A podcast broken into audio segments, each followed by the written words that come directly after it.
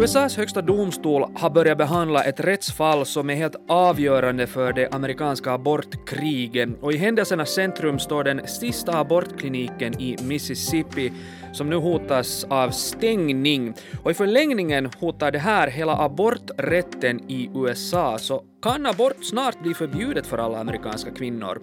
Ja, det här ska vi diskutera och, och, vi ska också öppna upp för hur allt det här riktigt hänger ihop här i nyhetspodden från Svenska Yle. Jag heter Johannes Taberman och med mig för att reda ut det här har jag vår USA-korrespondent Ville Hoppa. Hej på dig Ville!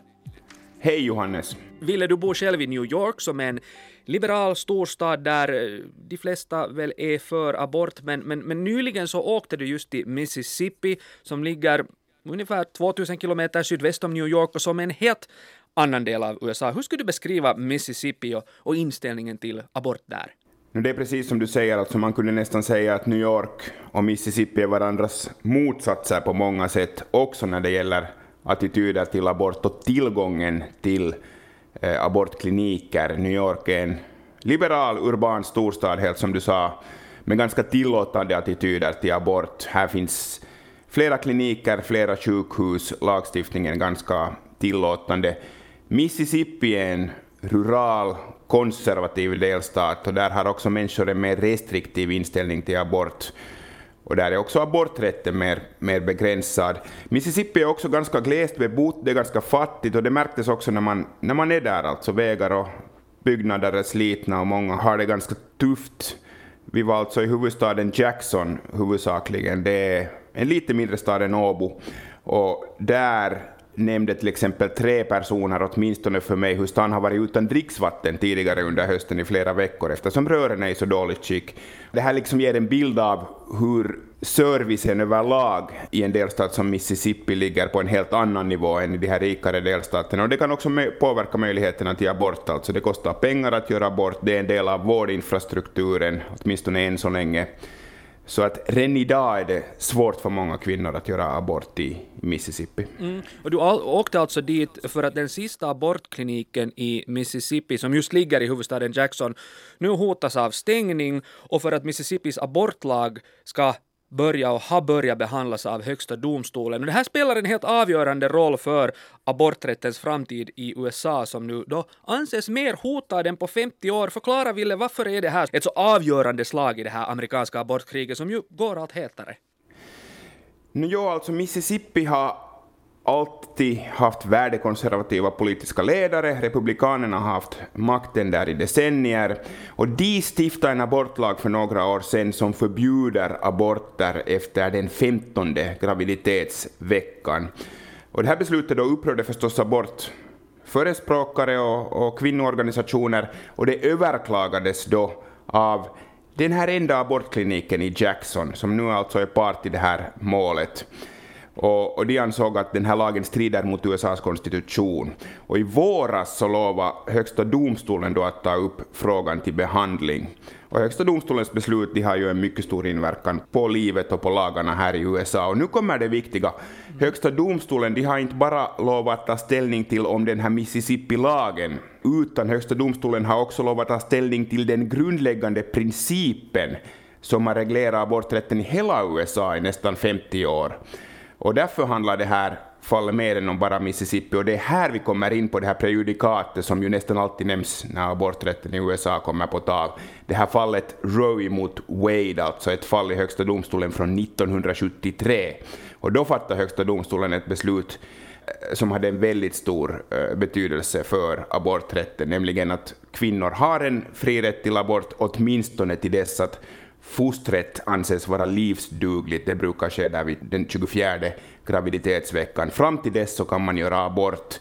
Men det är den här principen och det här beslutet, Roe mot Wade, som Högsta domstolen nu har sagt att det här ska vi titta lite närmare på, att var det faktiskt ett rätt beslut? Och det att de tar upp det här fallet signalerar också att att de här konservativa domarna kanske är beredda att ompröva det här beslutet från 1973. Så det finns ett stort tryck på att nu liksom på något sätt se över om man kan anse att, att kvinnor har en så grundläggande rätt till att göra abort som de nu har haft ända sedan 1973.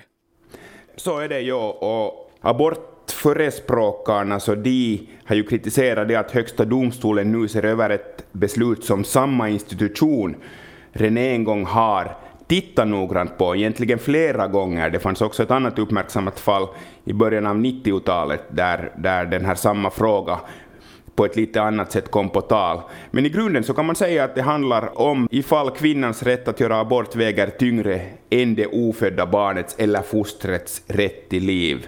Och då kommer man ju in på, då på frågan om att när ett liv börjar. Men rent juridiskt så, så kommer då Högsta domstolen att ta ställning till om det här beslutet Roe mot Wade som alltså ger kvinnor rätt att göra abort ända fram till den 24 graviditetsveckan oavsett vad olika delstater runt om i USA försöker göra, om det här prejudikatet fortfarande är förenligt med, med USAs konstitution. Mm. Det här rättsfallet nu som, som har inletts får enorm uppmärksamhet eftersom det är en så både politiskt laddad fråga men också liksom principiellt och väldigt liksom personligt engagerande äh, äh, fråga och pressen från alla håll är säkert enorm nu. Så, så hur har Högsta domstolens behandling av det här fallet nu, nu kommit igång?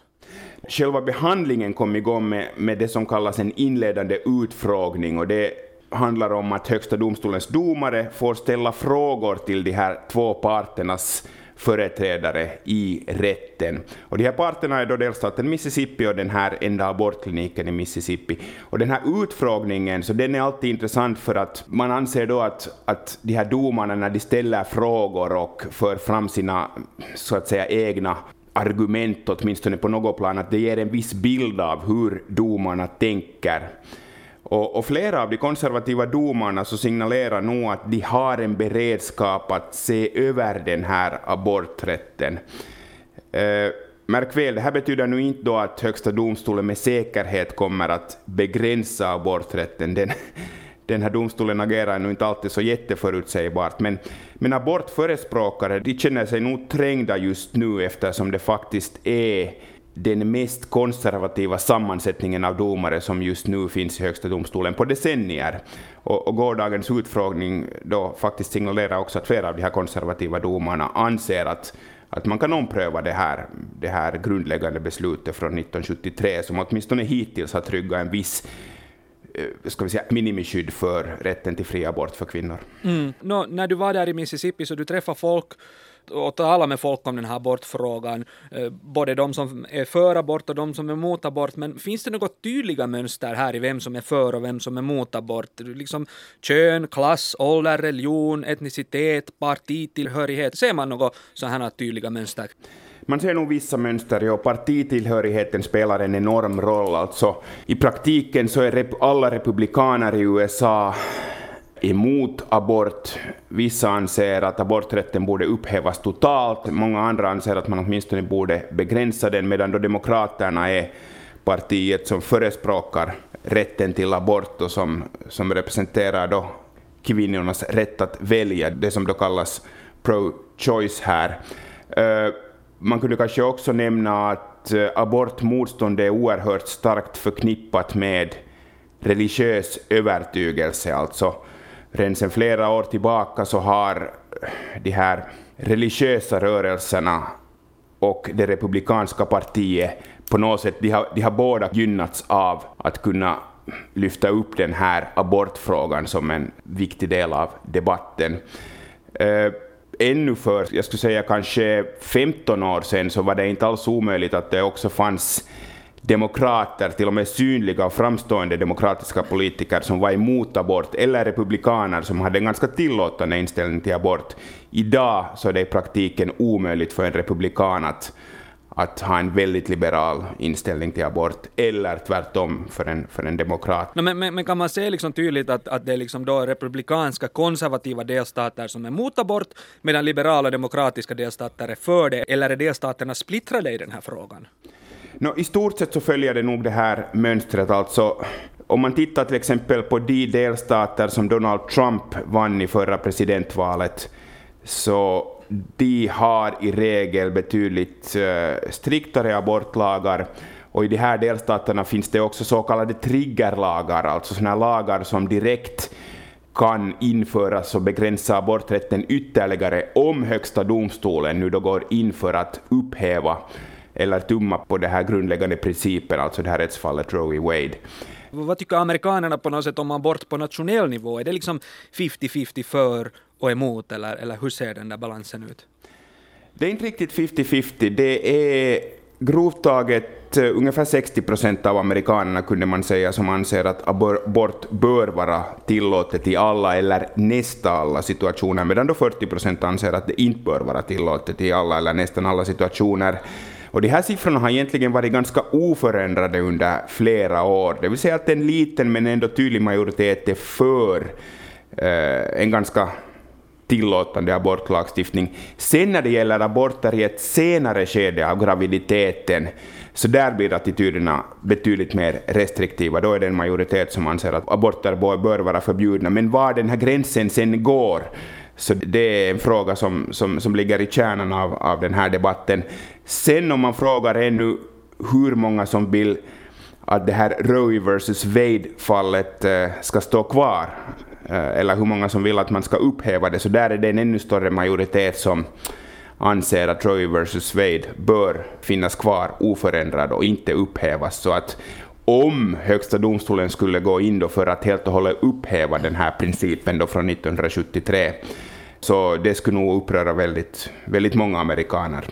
Så varför vill då Högsta domstolen se över den här eh, saken just nu, om ändå en klar majoritet skulle vilja hålla den här abortlagstiftningen som den är? Därför för att det finns en konservativ majoritet i Högsta domstolen. Det tål att betonas än en gång, det vill säga av de här nio domarna i Högsta domstolen så är sex av domarna sådana som, som har en konservativ syn på grundlagen medan endast tre domare är liberala.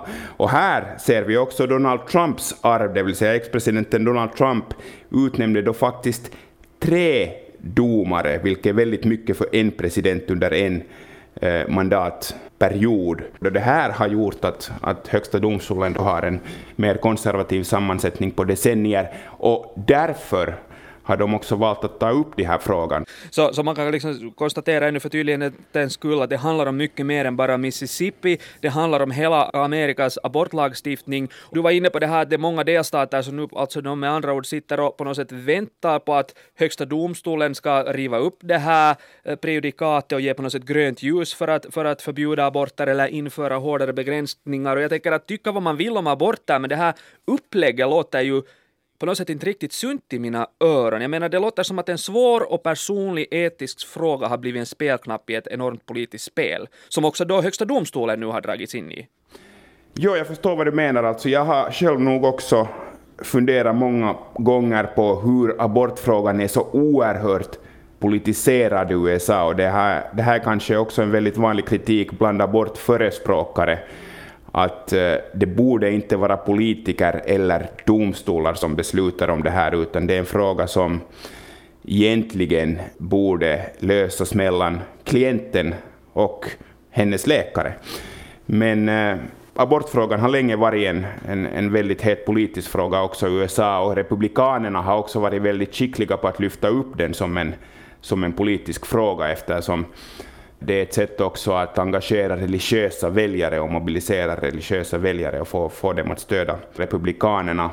Eh, sen har enskilda delstater fortfarande mycket att säga till om och därför, och i och med att republikanerna faktiskt har på delstatsnivå har, har makten i en liten majoritet av delstaterna så har de möjligheter att också i olika delstater införa sina egna abortlagar. Men, men kan alltså abort verkligen bli förbjudet för alla amerikanska kvinnor på grund av det politiska spel kring den här frågan som vi nu ser? Min tolkning är att det scenario där aborträtten helt skulle upphävas i USA, så det, det kommer nog inte att ske. Därför att det finns också liberala delstater, till exempel New York, Kalifornien, som har lagar som garanterar kvinnor en, en, en viss aborträtt oavsett vad Högsta domstolen beslutar. Det här är lite komplicerat, men som sagt, delstaten har ändå en hel del att säga till om här.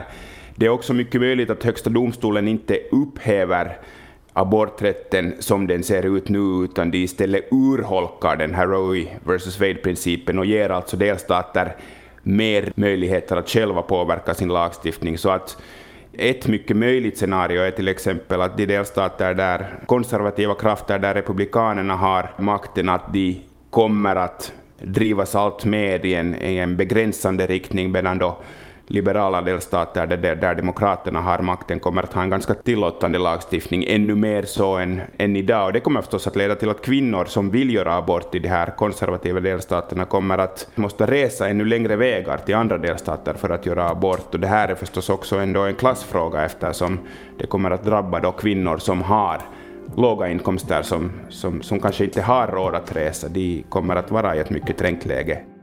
Tack Ville Hoppa för att du redde ut hur det ser ut nu på abortfronten där i USA. Jag heter Johannes Taberman, fortsätt lyssna på oss.